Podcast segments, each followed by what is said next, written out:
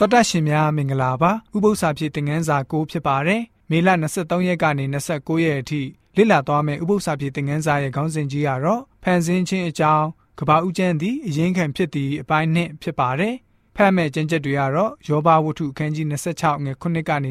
10ကပောက်ကျန်းခန်းကြီး1နဲ့2ကပောက်ကျန်းခန်းကြီး9ကပောက်ကျန်းခန်းကြီး7ရာဇဝင်ကျုပ်ပထမဆောင်ခန်းကြီး1ငွေ18ကနေ29ရှမသက်ခရစ်ဝင်ခန်းကြီး19ငွေ4နဲ့5 ရှင်ယောဟန်ခရစ်ဝင်ခန်းကြီး1ငွေ1ကနေ3တို့ဖြစ်ပါတယ်။အဓိကကျမ်းချက်ကိုတော့ဆာလံကျမ်းအခန်းကြီး19ငွေ1မှာတွေ့နိုင်ပါတယ်။မိုးကောင်းကင်သည်ဖျားသခင်၏ဘုန်းတည်တော်ကိုကြားပြော၍မိုးမျက်နှာချက်သည်လက်တော်နှင့်လှုပ်သောအရာများကိုပြသ၏ဆိုပြီးတော့ဖော်ပြထားပါတယ်။အမျော်အမြင်ကြီးမားတဲ့ပုဂ္ဂိုလ်ကြီးတွေဟာဖျားသခင်ဟာဆိုရင်ကဘာကြီးကိုဖန်ဆင်းခြင်းအကြောင်းရေးသားထားတဲ့နှုတ်ကပတ်တော်ကိုဖတ်ရှုခြင်းအပြင်ဖန်ဆင်းခြင်းအကြောင်းအရာတွေကိုလေ့လာကြပါတယ်။ရရှိတဲ့အကျိုးကတော့ ခင်မိတဲ့သိပ္ပံပညာကိုထပ်မံဖော်ထုတ်နိုင်ကြပါတယ်။ John Enoch Kepler, Isaac Newton, John Ray, Robert Boyle နဲ့အခြားရှိခေတ်သိပ္ပံပညာရှင်တွေဟာမိမိတို့ရဲ့လှုပ်ဆောင်ချက်ဟာ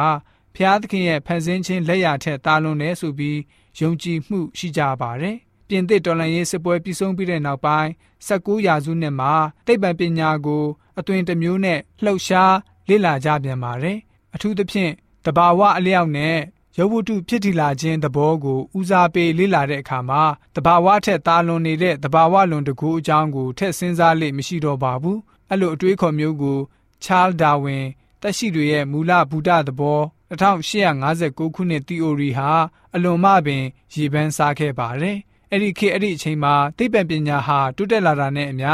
တမန်ကျမ်းစာရဲ့အခြေခံမှန်ကန်ချက်တွေကိုကြော်ခိုင်းသွားခဲ့ပါတယ် ကဘာဦးကျန်းအခန်းကြီးတွေကနေဖော်ပြချက်တွေကိုအလေးမထားကြတော့ပါဘူး။တမန်ကျမ်းစာဟာကဘာကြီးအကြောင်းကိုတွင်တင်တဲ့နေရာမှာတိတ်ပံနီးနဲ့ဆန့်ကျင်နေပါသလား။တမန်ကျမ်းစာကအကြောင်းအရာတွေဟာပတ်ဝန်းကျင်တပါအမျိုးသားတိုင်းပြည်တွေရဲ့ရာဇဝင်ကိုခိုးယူကူးချထားခြင်းဖြစ်ပါသလား။တမန်ကျမ်းစာဟာနေရာဒေသအချိန်ကာလယဉ်ကျေးမှုတွေကိုအစွဲပြုပြီးရေးသားထားခြင်းဖြစ်ပါသလား။ ဒါမှမဟုတ်ဖျားရှင်ထံကနေတေချာစွာချမှတ်ထားတဲ့ပြည့်စုံတဲ့မူလအရင်းခံအကြောင်းအရာတွေဖြစ်ပါသလားဆိုတာတွေကိုအခုတစ်ပတ်မှာကျွန်တော်တို့လေ့လာသွားမှာပဲဖြစ်ပါတယ်ဆိုပြီးတော့ဥပုံနဲ့ဥပု္ပ္ပစာဖြစ်တဲ့ငန်းစာကဖော်ပြထားပါတယ်။